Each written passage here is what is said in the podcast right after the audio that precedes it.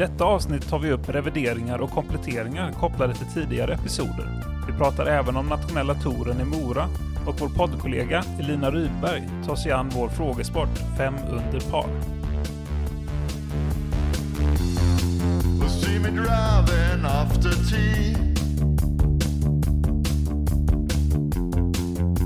Weather's looking good.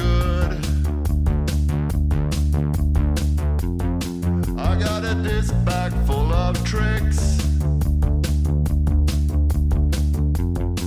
Yeah, I got them spinning. I'm listening to music you can't hear.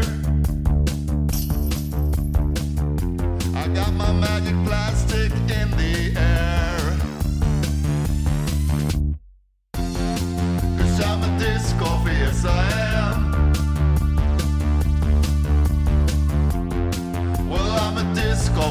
yes I am. Cause I'm a disc golf, yes I am. Well, I'm a disc golf, yes I am.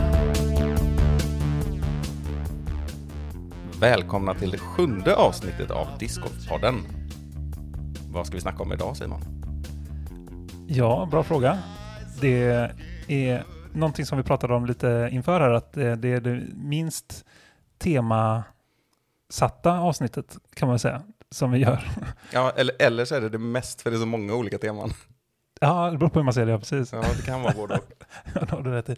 Men i det här fallet så ehm, kommer det bli en mix av saker kan man säga. Lite småplock här och där. Vi kommer också återkoppla till några tidigare avsnitt och göra lite revideringar och lite tillägg kan man säga. Mm. Och sen eh, kommer vi att åter ta upp det här eh, segmentet som vi kallar för 500 par. Ja, det ska bli kul. Det ska det. Och vi kommer ju med oss eh, Elina Rydberg på tråden idag. Jätteroligt. Ja, hoppas hon eh, lyckas bättre än Christian Bengtsson. Ja, det hoppas jag också faktiskt. Annars så blir det inte många rätt. Dels av flera saker. Dels för att det blir kul om det blir lite fler rätt. Men sen hejar man ju på Elina också när, när hon möter Christian.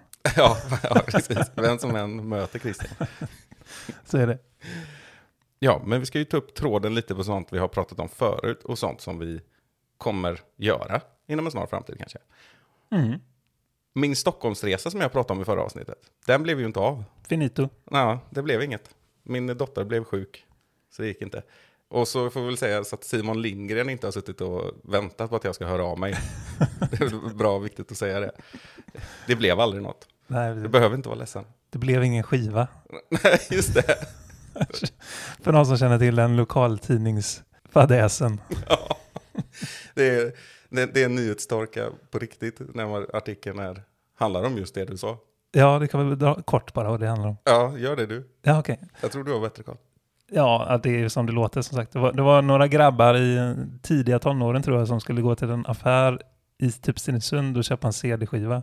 Det, kan, det är inte, möjligt att det inte var Stenungsund, men någonstans i alla fall. Någon mindre ort kan man tänka sig. Mm. Ehm, men det var stängt, så de kunde inte köpa en skiva. Då blev det rubriken i tidningen. Det blev ingen skiva. Eller alternativt, det blev ingen CD tror jag det står. Ja, och så kanske det var. Det finns en jättebra grupp på Facebook som heter Lokaltidningsbesvikelser. Den kan jag... Den kan vi varmt rekommendera båda två. Mm, den är rolig. Vad pratade vi om? Det blev ingen Stockholm. Nej, resa. Exakt. ja, men det var väl bara det. Ja, just det. Det blev helt enkelt ingen Stockholmsresa. Nej. Det var kontentan. Eh, så nu har vi klarat av det. Men vi har också en riktig rättelse att göra. Ja, Jag tror vi kan kalla det en rättelse. Upprättelse. även om vi inte var medvetna om vårt fel, eller det är man ju sällan när man säger det, men för du är inne på Mösseberg nu gissar jag. Ja. Ja. Och där var det så att de förutsättningarna fanns ju inte när vi var där. Nej. Så det är inte så konstigt. Nej. Men dra den du. Ja, och vi pratade ju om Mösseberg i Falköping i förra avsnittet. Ja. Och då sa vi bland annat att vi inte gillade hål 4 så himla mycket. Och vi pratade om Mikael Pettersson. Stark man i Falköping, kan man säga. Falköpings starke man. Ja. Sen följde sig så att jag åkte dit igen och spelade deras veckotävling. För att det inte blev någon Stockholm. Ja, och gick med Mikael Pettersson på den här veckotävlingen på den här banan. Och då sa han, vänta nu ska du få se. Och mycket riktigt när vi kom fram till Sweet Spot så hade han breddat den. Och jag låg perfekt på den dessutom. Härligt. Mm, jag gjorde par. Det lät som att det skulle vara bättre än så när det låg perfekt. Japp, det var en besvikelse där. Mm. Jag låg perfekt på sweet spoten i alla fall. Mm, bra. Eh, så där får vi väl göra en liten rättelse, eller en upprättelse. Kan man säga att vips, det blev inga dåliga hål? Nej, just det. Bara bra hål, Mösseberg. Åk dit. Bra Mikael. Mycket bra. Ja. Jag, jag kan ju tillägga att han gjorde de här ändringarna innan han hörde talas om att han fick kritik för det. Ännu bättre. Mm. Imponerande. Eh, Det är otroligt imponerande. Proaktiv. Definitivt. Från Falköping och Mike till Onsala och Hasse Tegbäck. Mm. Nu blir du nyfiken? Mm. Mm. Det är nämligen så här att han hörde av sig till mig och eh, skrev att eh, app, app, app, din lista som du gjorde eh, med skrällar håller jag bara delvis med om. Och då blir jag ju faktiskt glad, för det var trevligt att han hörde av sig. Det är ju en, eh, en discgolflegend får man ju säga i Sverige. Ja, verkligen. Han eh, kan sitt när det kommer till discgolf. Han hörde av sig och sa att eh, du har missat lite grejer tycker jag. Eller framförallt en sak som jag erkände mig ha missat. För de andra var lite mer, längre tillbaka i tiden som han kom med lite andra tips. Och de, eh, jag, även om jag var lite vag så uttryckte jag mig så att det var modern tid så att säga. Men jag hade missat att ha med Page Bjerkås. Ja, det är ju helt självklart. Ja, jag vet, som vann ju Worlds 2018. Ja, ja, ja. Och vi hade ju med Barsby. Ja, precis. Eller du hade med Barsby. Mm. Och vi hade med Kona Panis och vi hade med Ellen Widbom som andra damer. Men det här var ju egentligen en större skräll just för att det var på Worlds också. Mm. Ja, verkligen. Definitivt. Och samma år som Bar- äh, Barsby. Ja, hur jag missade det faktiskt om jag ska vara ärlig, men eh, så kan det gå. Så den, eh, du har helt rätt Hasse, den ska vara med på min lista. Det fick bli sex stycken skrällar på min lista. Mm. Ännu bättre. Ja. Ju fler desto bättre. Så det tackar vi så mycket för. Ni får gärna fortsätta skriva in till oss när vi gör både rätt och fel. Ja, det gillar vi. Mm. Positiv kritik och konstruktiv kritik lika väl mottaget. Mm. Nästan i alla fall. Och så måste vi prata lite om Mora, Simon. Just det. För du har ju varit där. Och några till. Ja, precis. Det blev ju ändå ett gäng. Mm. Och det blev två poler till slut. Vi pratar alltså om nationella touren, deltävling 3, som blev deltävling 1. Just det. För att två stycken sköts fram och möjligtvis också ställdes in. Det får vi se lite hur det blir där. Ja. Men eh, nationella touren, första gången på svensk mark sedan 2019. Stämmer bra. Senast var Järva. Ja, precis. Touravslutningen då som Karl Ulvenen tog hem. Mm. Så var det. En ganska rörd Karl Ulvenen tog hem det faktiskt. Det var kul att se. Ja, det är mysigt. Mm. Men åter till Mora. Jo, men jag hade ju förmånen att kunna åka dit med min goda vän Olle Karlgren, även känd som Ace-kungen. Ja, honom måste ju många känna till. Ja, han har ju ett väldigt eh, känt, eller flera kända klipp som cirkulerar. Tillsammans med sin bror brukar de vara ute och spela in Ace Runs och annat då. Eh, Erik Karlgren heter ju hans bror. Så de är från Motala båda två och är flitiga på sociala medier, framförallt på Instagram då, när det kommer till roliga videos. Eh, Så kolla in dem om ni inte har gjort det.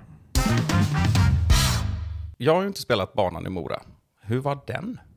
Nej, just det. Den var ändå ganska trevlig får jag säga. Jag inte, det var ju första gången jag var där nu också och spelade. Och den är som en blandning mellan Wasteland och Fålehagen, kanske. Nu har inte du spelat Fålehagen heller, tjej, och det är Nej. inte säkert att så många av er där ute har spelat någon av dem. Men Fålehagen är en utpräglad skogsbana i Motala. Och Wasteland är en bana på sand i Robertsfors, som vi pratade lite snabbt om förra avsnittet. Mm. Och det här var ju något mellanting där då, tycker jag. Eh, det var som tallskog i, ehm, i sandig eh, terräng, sådär. En bana som jag kände att jag kunde nå ja, 16 av 18 birdies. Men det är också en bana som att det är extremt svårt att gå boogiefritt på. För att det är mycket träd och ganska tajta linjer på sina hål och dessutom ganska mycket oben och mandon. Så det, det gäller liksom att eh, ja, inte slappna av för mycket så att säga när du spelar. Men det är ungefär vad jag har hört från andra också. Att det var väldigt lätt att göra bogeys och hamnade du utanför fairway så var du ofta rökt. Ja, jo men lite så. Sen var det ju ett och annat öppet hål också, men, men det var ändå, majoriteten var ju ganska lurigt faktiskt. Det syntes ju lite på scorerna också om vi tar Open som exempel. För det var ju inga gigantiskt låga scorer. Om vi tänker Linus och Hagman låg i topp. Mm. Och de hade en del bogis. Ja, Sen gick ju Linus, snittade väl minus åtta. Och det är ju bra. mm. Men det kan nog vara lägre på vissa banor. ja verkligen. Och, men om man ser till liksom, upp på topp 10 krävdes inte särskilt mycket under par. Liksom. Nej. Och det kändes som att det fanns ju där, som sagt, birdiesarna var inte så svåra, men boogiesarna var ganska lätta om man säger så. Liksom. Och, och, och, det, och det speglar verkligen resultatet också. Där sammanfattar du discgolf i en mening. ja, det har du rätt i och för sig. Men, eh, nej, men så var känslan hur som helst. Och vi var ju verkligen välsignade med ett vackert väder hela helgen. Det var fantastiskt på det viset. Och det var, det var liksom sol och vindstilla i stort sett hela helgen. Fantastiska förutsättningar att spela lågt. Desto mer förvånande att det inte var lägre score än det var på något sätt. Mm. Det är en sak om det var ett halvstorm liksom. Men eh, för personlig del så gick det väl sådär, får man väl ändå sammanfatta det. Så jag hade högre ambitioner än, än så. Jag gick under min rating de två första rundorna och en bit över min rating den sista rundan, så jag skärpte mig i alla fall lite där då. Men knappt godkänt kan man väl sammanfatta det som för min del. Nej. Men det var väldigt roligt i alla fall. Men nu är du igång ordentligt för den här säsongen. Ja, ja men så är det. Nu har vi kickat igång eh, första större tävlingen. Så det, det känns riktigt bra. En sak som jag bara ville nämna också med Mora där var att som sagt en bra, en bra bana, inte så mycket kritik generellt, men någonting som jag tyckte tog udden av det lite grann var att det var väldigt mycket OB nära korg, alltså OB bakom korg, på flera hål. Exempelvis på hål 1, hål 5, hål 7, även hål 10 var det OB bakom korg, hål 12 var det OB bakom korg, där gick jag OB bland annat. Hål 15 var det och hål 16 lite halvt i spel. Så det var ändå många hål som... Ja, men du förstår vad jag menar när det är OB bakom korg, att jag tar udden av det lite att man lägger hellre upp än att gå för eh, de Mm. roliga inspelen som kan ha en chans att gå i korg. Du kanske inte ens vågar göra säkert två puttar eller knappt en eh, Circus Edge-putt liksom. Eh, för att det är OB så pass tajt bakom. Och det tycker jag är okej på några hål, men att ha det på en tredjedel av hålen tycker jag är lite tråkigt. Ja, det låter som att det kan kväva det offensiva spelet. Ja, precis. Och det tycker jag man i mångt och mycket i alla fall ska främja. Mm. Inte alltid såklart, utan ibland är det viktigt också att kunna visa på vuxet spel och sådär, men kanske inte just vid korgen i så fall, utan Nej. snarare vid layup på par fyror eller vad det nu kan vara. Ja, ja visst. Det var väl egentligen det som enligt mig var något negativt med banan, men i övrigt så var det en trevlig tillställning och en bra bana. Var det onödiga OBn och mandatories? Alltså det var ju vid gångvägar, Mm. men det var ändå, De kan ofta vara ganska onödiga. precis, det var ändå på ett sånt sätt att det hade liksom inte spelat någon roll. Om du förstår vad jag menar, att är det någon där så kastar man inte ändå. Nej. för det första. Och på, på några av de här så ser man knappt det ändå, liksom. Eh, hur det ser ut bakom korgen när man kastar. Liksom. Och då blir det också lite kontraproduktivt på något vis. Då är det liksom mer i spel på en långputt eller ett inspel än från 10 kanske också. Och då, då, då liksom fallerar den här, om om anledningen till obit är att det ska vara en säkerhetsaspekt, Mm. så är det inte nödvändigt. Liksom. Nej. Nej, men och det är ett ganska vanligt problem som jag ser överallt nästan. Alltså onödiga OBn där man tänker att gångbana till exempel måste vara OB. Mm. Och ibland så behövs det inte alls för hålet. Och det behövs inte för säkerheten heller. För som du säger, man ska inte kasta den här någon där ändå. Nej. Oftast har man helt fri sikt också då, i de fallen då jag reagerar i alla fall. Och det tycker jag är tråkigt. Mm.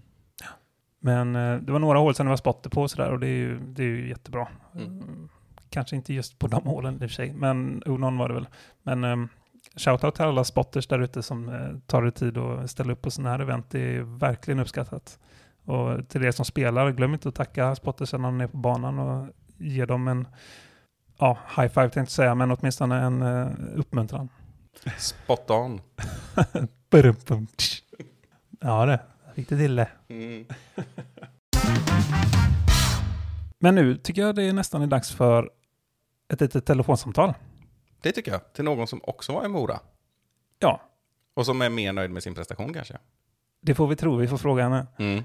Men vi ringer upp Elina Rydberg. Då välkomnar vi Elina Rydberg till podden. Tackar, tackar. Färsk eh, nationell torvinnare dessutom. Dessutom det. Det är ju väldigt roligt. Och inte bara det heller, utan även eh, en poddkollega, får man säga. Ja, såklart. Det måste vi säga. Från podden Kedja ut. Jajamän, Ursprungspodden, höll jag på att säga. Ja, precis. exakt så. Men eh, för att återgå till NT'n då, hur kändes det uppe i Mora? Eh, fantastiskt kul. Det var väldigt kul att vara med på första NT'n för min del. Och den banan var himla rolig och passade mitt spel väldigt, väldigt bra. Jag, jag kände väl att jag hade ett väldigt bra övertag med mina forehandkast på just den banan. För det var väldigt mycket så placeringskast och vissa kast som man kunde liksom trycka på en forehand upp till ja, men en 100 meter eller något. Mm. Och hade liksom fördel av det. Så det var kul. Vart var din forehandfördel, eh, Simon? Det kan man undra. Ja, nej, men jag håller med. Det är en ganska forehandvänlig bana, men eh, jag, jag skyller väl kanske lite på att jag, eller jag, jag spelar inte jättedåligt, men jag spelar inte så bra som jag ville riktigt. Och det kanske har att göra med att eh, jag har haft två parkbanor som hemmabanor och inte så van vid så mycket tallar överallt. Nej, just det. Jag kan skylla på det. Där är jag tacksam till att jag har eh, sex stycken hemmabanor i Värmland som är skogsbanor alltihop. Ja, just det. Min nackdel är ju att jag kan inte spela i vind, så det blir kul i Lund. Mm, Just det, just det. Det har du rätt i. Det är jag desto mer van vid. Ja. Men två, två saker här då. För det första, det märktes ju att du gynnades, kanske, eller att gynnades, det behöver man ju inte säga. Men att, eh, ja, eh, för mig som följde hemifrån så var det ju väldigt spännande.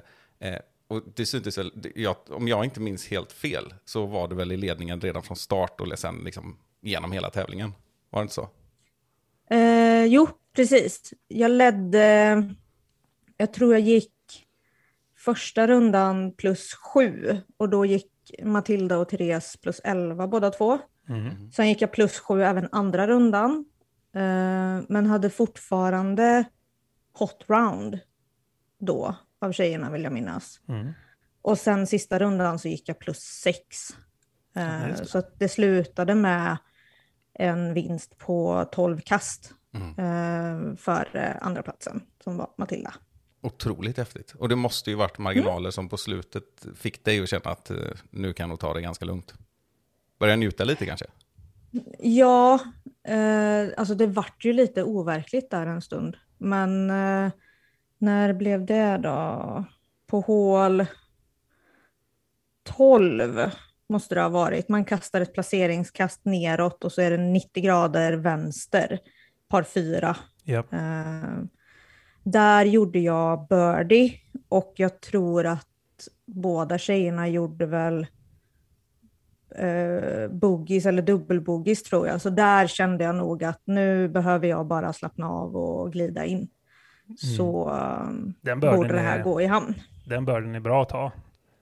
Mm. Det gjorde inte Två jag. superfina kast. Så det, en lång putt också för birdie, så det, det kändes riktigt bra. Mm. OB bakom korg också.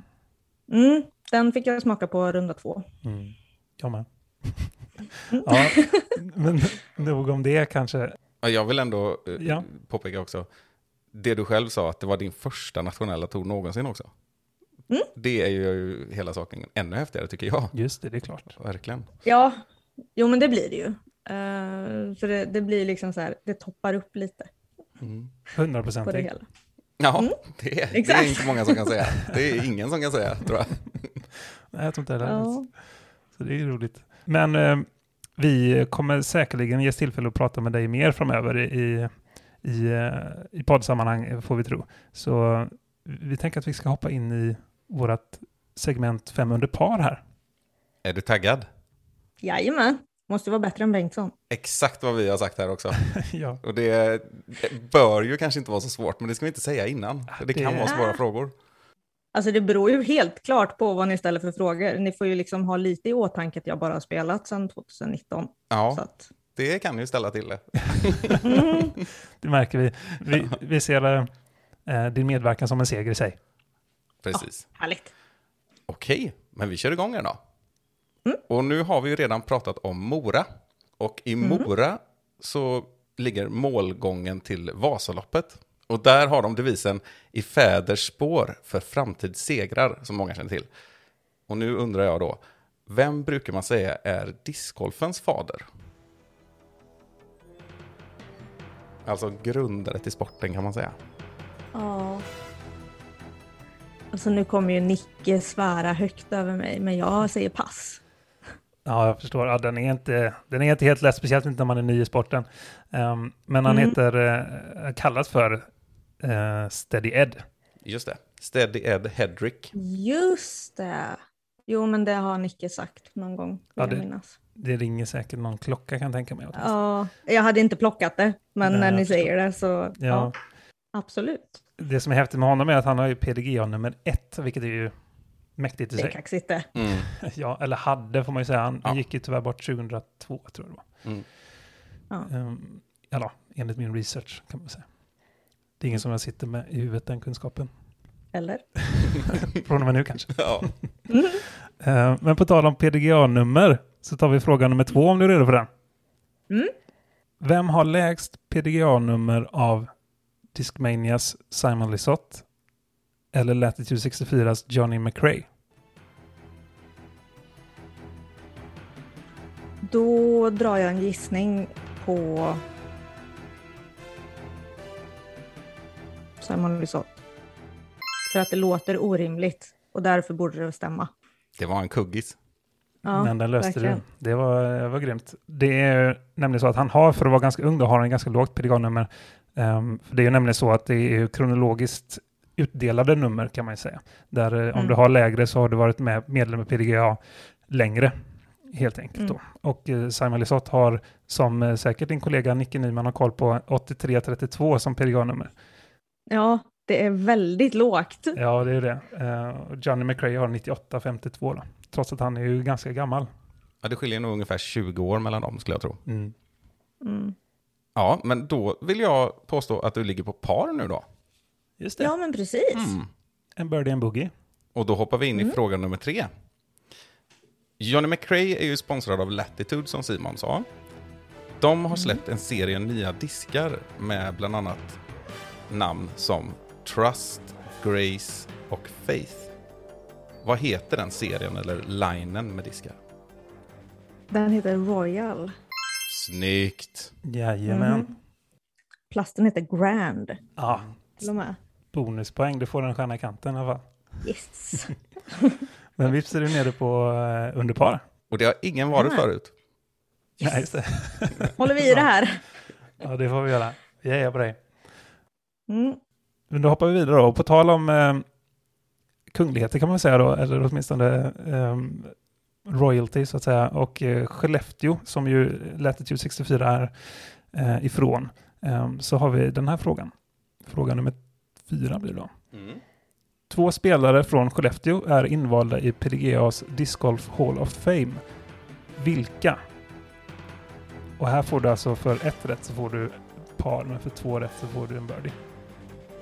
Eh, men det måste ju vara Jesper Lundmark och eh, Thomas Ekström. Ja, Du satte dem, mycket bra. Yes! fantastiskt bra. Två under par. Ja, nu imponerar hon här. Mm. Birdie streak. Ja. Exakt. är det en turkey du har nu? Ja, jag tror det är det. ja, det är det. Mm. Mm. Och då har vi sista frågan kvar. Då lyder den så här. nu ska vi se. Thomas Ekström blev invald i Disc Golf Hall of Fame 2010. Kan du nämna någon spelare som var på pallen i FPO i VM 2010? Sätter du alla tre så får du ett ace. Oj! Mm. Det kom vi överens om innan. 2010. Nu ska vi se. Ehm, Juliana Corver, Des Reddings och Elaine King. Nu ska vi se här. Nu måste jag nästan ta fram svaret. Det är inte alla rätt i alla fall. Nej, men det, Nej. Var, det var bra gissat får man säga till att börja med, men jag tror att det är ett rätt. Visst är det så att Des Redding kom på andra plats, så hon var med på pallen. De två andra var dock inte med detta året.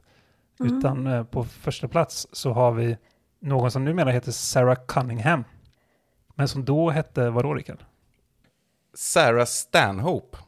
Och det var precis som du sa så var Des Redding tvåa. Och henne tog du ju. Mm. Och på tredje plats hade vi Valerie Jenkins. Just det. Ah, såklart. Mm. Och Valerie Jenkins hade vunnit tre VM-titlar precis de tre åren före också. Mm. Nu fick hon nöja sig med bronset. Mm. Så kan det gå. Precis, men du löste ju birdien även om det inte blev något ace. Eh, men en birdie är ju nog så gott och eh, således slutar du på tre under par blir det va? Mm. Det borde det bli. Ja, En bogey, fyra birdie. Ja, Ja. exakt. Och då vann du över Christian Bengtsson med hästlängder. ja, med sex kast. Det är inte många som kan säga det. Nej, det är det viktigaste. Viktigaste är kanske inte att vinna totalen, men det är viktigare att vinna över Bengtsson. Ja, det, ja men precis. Och eh, jag tänker så här, du gick så pass många kast under par och du har vunnit en, din första NT nyligen. Mm. Så jag tänker så här, du ska få en liten grej som du kan sätta på din bag, nämligen en sheriffstjärna. För du är en riktig sheriff nu alltså, när du har löst det här. Jag får tacka för det. Ja, så det får jag lösa nästa gång vi ses. Ska jag ha med mig den där så eh, får du smycka din bag med. Det kommer bli grymt. Det ska vi lösa. Och vi hade gärna pratat med dig väldigt mycket längre. Men vi tänker att det kommer vi nog få väldigt goda skäl att göra framöver. Ja, vi får hoppas på det Mm. i alla fall. Nej, men tills vidare vill vi tacka för att du var med. Ja, men tack själv. Det här var ju roligt. Ja, tack så mycket. Jag har bara en sista fråga. Ja. Har du något smeknamn som du använder dig av eller som någon brukar kalla dig för något, något speciellt? Discgolf-relaterat eller inte, spelar ingen roll. Eh, nej, egentligen inte. Det var väl ett på gång i somras. Jeremy Colling är ju big Mm. och jag är väl raka motsatsen till det. Så att eh, Tiny är väl någonting som har varit i krokarna. Ja, just det.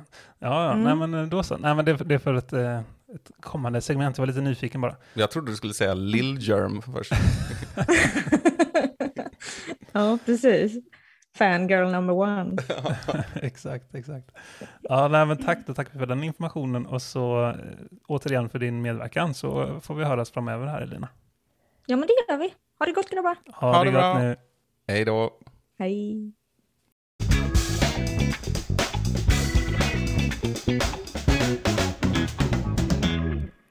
Och anledningen till att jag frågade Elina om hon hade något smeknamn sådär, det är ju för att jag har en liten spaning kopplat till smeknamn. Kul. Ja, Och det här vet jag ingenting om, faktiskt. inte jag heller. Jo, det hoppas jag. Låt höra. Jo, jag tänkte jag börjar så här. Jag har två listor med smeknamn. Den ena listan är bekanta till mig som jag har spelat med på judisk eller typ sådär andra discgolf-relaterade plattformar Mm. där folk har smeknamn. Men alla är discgolfare. Mm. Mm. Men det är liksom inte Robot Chicken och McBeast utan det är liksom mer, mer lokala förmågor. Mm. Och den andra listan tar vi när, det kom, när vi kommer dit. Så kan man göra. Mm. Men jag bara rabblar här lite tror jag. Och så eh, får vi se var det landar någonstans. Och vad det går ut på. Ja, precis. Vi har då sådana som jag har spelat med på judisk, eh, exempelvis då. Då har vi Dieselstrutsen, Kedje, Palle McMini-Balle, They See Me Rollin', Bananflugan, Tiki Waisiki, Slidan, Snäckebäcksmonstret, Mr Bottombox, Snail Shark, En man som kastar OB, K-Man och Rob the Mob. Mm. För det första, är det någon du känner igen här? Ja, det är det. Det är två stycken i alla fall som jag tror jag kan sätta vilka de är. Mm. They see me rolling, Simon Ivarsson. Mm, den är bra. En man som kastar OB. Det, alltså båda de här är bra för övrigt. Mm. Men eh, en man som kastar OB är Mikael Karlsson. Ja, det stämmer bra. Båda Vänersborgs klubbs tillhörande. Ja, Eller tvåstads discgolfklubb tillhörande. och det kan vara på- sin plats att eh, ge Mikael Karlsson lite shoutout, apropå att vi pratat om statistik en massa. Mm. Men han får kanske vara med någon gång och prata själv. Han är våran statistik... eh, Borde han inte kallas statistikel? Jo, det skulle kunna funka. Jag brukar säga st- statistikguru. Ja, precis. Men statistikel Karlsson, det är Mm. ju bättre. Ja, Ja. det, det, är, Mannen med monster Excel-arket. mm, det är också bra. Mm. Nej, det var inte bra. Det var, det Det var inte jobbigt att mer, säga ute på banan. det var, det var mer en beskrivning av honom än ett tänkbart smeknamn faktiskt. Ja, jag vill bara landa i ett par av de här som jag också tycker är ganska bra. Exempelvis den som är mest genomtänkt här måste ju ändå vara Tiki Waisiki. Ja, och det tror jag egentligen att jag vet vem det är också. Är det din kompis Fredrik? Nej, Nej. det är Bananflugan som är min kompis Fredrik. Ja, just det. Men det är min kompis Adi Fasic. Ja! Mm. Mm. Han är mästare på nya smeknamn på judisk. Han byter hela tiden och de är alltid lika fyndiga nästan. Men Mm. den här tar nog priset. Han är fyndig överhuvudtaget. Ja, absolut. Men Tiki Waisiki, då för den som inte förstår kopplingen där, så är det ju att Ricky Wysocki var, låg eh, sjuk i borrelia under en tid. Som man ju då får av fästingar, vilket på engelska heter tick. Så Tiki Waisiki är kanske lite elakt men också ganska roligt. Framförallt det senare. ja, exakt. Men nu, jag sitter och funderar på om det var någon röd tråd mellan de här eller något sånt som det ska komma till. Eller, det är nog inget sånt va? Inte som är så lätt att koppla utan andra listan kanske, men, men eh, överlag generellt kanske. Men den andra listan har faktiskt bett min, min pappa hjälpa mig med. Mhm. För att han, jag slog sig någon gång när han pratade med hans kompisar, att vad, är det för smeknamn liksom? Och alla har så roliga smeknamn. Så han, eh, jag bara säga, kan du inte skicka en lista på eh, dina kompisar och bekantas smeknamn? Och så, för jag har en liten tanke. Så. Mhm. Och då så gjorde han det mycket riktigt. Jag tänker att jag går igenom den här och sen gör jag några nedslag på de som jag tycker är lite lustiga. Sådär. Shoot. Spanan, Ludde, Molnets broder, Iven, Chabben, Helkul, Glidan, Bronco, Glappet, Barbapappa, Ixi, Addus, Pjonken, Källan, Kocken, Svisse, Bullen, Frösön, P3, Tjorven, Professorn, Moje, Klajsan, Dallas, Semlan, HG och Baffen. Herregud, vilket galleri. Vilket gäng va? Ja, verkligen. Var det, ah, det, alla de är sådana som din pappa känner. Ja, Det är helt galet. Och där var det tydligt väldigt mycket två, två stavelser. ja exakt. Och jag måste, ta, jag måste bara ta ett, några till. Vi har de här också. Lillebror, Turbo, Brosket, Städis, Löken, Sappa, Utten, Snubbelfot, Speedy, Zeppelin, Flygan och Kanoten. Men lever din pappa i en pilsnerfilm? Det är det man tror, eller hur? ja, och- för att ta några exempel här då. Jag nämnde P3. Det är alltså en person som hette något i stil med Radio i efternamn. Som ju då låter som radio Ja. och då fick kallas för P3. Ja, det, det är ganska kreativt Det ändå. är kreativt. Och men- lagom långsökt. Exakt. Och sen finns det andra smeknamn som man tänker är bara standardsmeknamn. Som Ludde exempelvis. Ja, men det är Mm. en som heter Ludvig. Men nej, det är det inte. Utan det är min pappa själv som heter Roland som kallas för Ludde. Och det var för att han under någon så här lektion på mellanstadiet uttryckte sig lite luddigt. Och det har han fått äta upp i hela sitt liv då. ja, fast den har inte hängt med så länge, men den hängde med ganska många år tydligen. Ja. Ja, hur som helst. Det finns en till som är rätt rolig också. Eh, den- en herre som kallas för Iven var för att han vid något tillfälle sa något som var relativt poetiskt, nämligen Even the bad times are good. Och sen blev han Even efter det. Mhm. Men en av mina favoriter, det är ändå lillebror. Då tänker man, ja men det är yngstingen i familjen. Men eh, han är ensambarn. Till att börja med. Och han fick en gång frågan, har du några syskon? Och då svarade han, nej, inte jag, men min bror. Och det är ganska briljant ändå. Ja. Det, här- det här påminner om eh, Anders Björk, tror jag det var. Gammal moderatpolitiker. Ja. Eh, Bästa svaret någon gång. eh, Han skulle dementera ett uttalande som han hade gjort. I tv tror jag dessutom, eller radio. Det var Mm. liksom inte från någon skriven text liksom. Och då sa han, för det första har jag inte sagt det. För det andra är jag felciterad. Det är ganska motsägelsefullt. ja. Ja, och, det, och han hade ju uppenbarligen sagt det också, för det fanns ju på liksom inspelat. Ja, jag tror precis. till och med att han skrattade till själv när han sa det.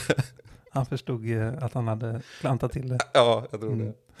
Ja, okej. Ja, men för att återgå till listan, då, det finns också några som är lite mer, vad ska man säga, raka eh, och logiska. Till exempel Turbo, att han heter Turebo i efternamn och sådär. Mm. Eh, och att Zeppelin gillade att spela gitarr och att Kanoten paddlade mycket kajak visserligen. Men det var kanske enklare att säga kanot. Ja.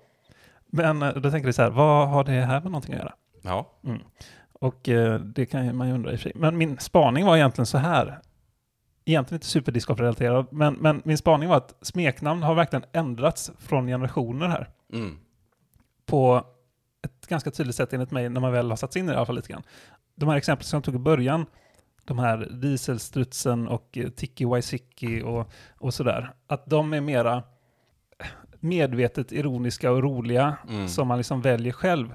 Och även om det är andra smeknamn som kanske är lite coolare, som, eh, vad vet jag, Ricky, du kanske vill kallas för Ricky Shield då, till exempel. Mm. Det har du valt själv, eller jag Simpa till exempel. Eller så här. Liksom att det är någon sån där, I och med dagens sociala medier och våra egna möjligheter att skapa våra egna plattformar så skapar vi också våra egna smeknamn. Mm. Medan förr i tiden var det inte så. Det räcker att gå liksom en generation bakåt då. Då var det ju att man blev tilldelad smeknamn för någon liten grej som bara växte och fastnade då i, i kompisgänget sådär. Så att man liksom, ah, okej, nu blir jag kallad för lillebror för att jag sa det här citatet, eller nu blir jag kallad för Ludde för att jag sa någonting luddigt på en lektion. Liksom. Jag trodde att det var för att han hade för mycket navelludd. eller något sånt. Det skulle kunna vara. Men det behöver inte hända. Det kan såklart hända idag. Men det är mycket enklare att sudda ut det idag i och med att du själv kan skapa så mycket egna smeknamn på dina egna plattformar. Mm. Som exempelvis de här judisk-smeknamnen då, som Mm. är ett exempel på det. Jag vill bara kommentera att Ricky Shield är väl någonting som jag tror Josef Berg har börjat med. Ja, när det gäller mig. Och sen har jag, jag använder väl bara det på Skipbase tror jag. Men ändå. Ja, ändå.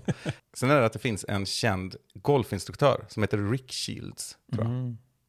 Och du är ju faktiskt instruktör. Ja, det är jag ju. Just det. Det är jag ju faktiskt. Så det fanns ju en koppling. Men det är inte jag som är golfinstruktören. Han är väldigt stor på YouTube. Ah, Mm. just det. Men håller du med om min spaning? Ja, det här hade man kunnat gräva ganska mycket mer i. Och det är lite grann från pilsnerfilmen till Killinggänget då kanske. Ja, men lite så. Det är en bra liknelse faktiskt. Men nog om smeknamn för nu i alla fall. Mm, för den här gången. Nu tänkte jag att du kunde berätta vad vi ska göra på lördag, Simon. Just det. Det ser vi fram emot. Det är nämligen eh, lag-SM-kval Mm. på den banan som vi har pratat om i det här avsnittet. Ja, just det. För våran del. Det är ju faktiskt ganska häftigt. Det pågår på tre platser samtidigt i Sverige. Med åtta lag på varje plats. Precis, våran plats är således alltså Mösseberg i Mm. Falköping. Och det, det är ju nämligen så att det är tre lag som ska utses som får vara med på lag, det riktiga lag så att säga som kommer. Och av dem så är det, det är 24 stycken lag som gör upp om tre platser, så det är extremt tufft. Extremt tufft, ja. Men eh, mer om vad det innebär och vilka vi ska möta och sådär, eller vilka vi snarare har mött blir det ju då. Det får vi ta nästa vecka tror jag. Ja, vi vill ju inte avslöja för mycket här. Nej, det blir en cliffhanger i cliffhangern, för vi gav ju en cliffhanger till det här när vi pratade om Pontus Welin. Just det, det har vi redan pratat om, ja. Och nu nämner vi det lite igen för att nu börjar det närma sig så att säga. Ja. Och så får det räcka med det. Ja, ja men vi säger så, så ses vi på lördag då Rickard. Ja, det gör vi. Ja, det är gött. Ha det bra. Man kanske kan avsluta så, det kanske är ganska roligt.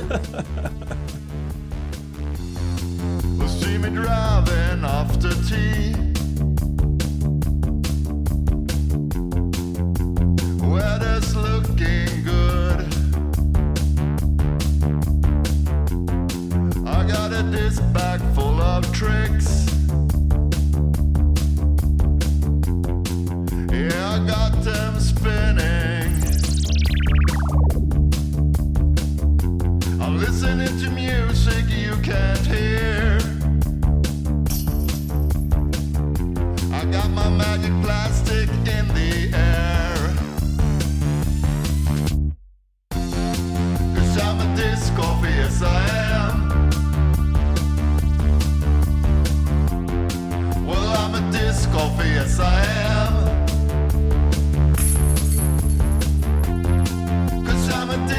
happy, yes I am. Well, I'm a disco yes I am.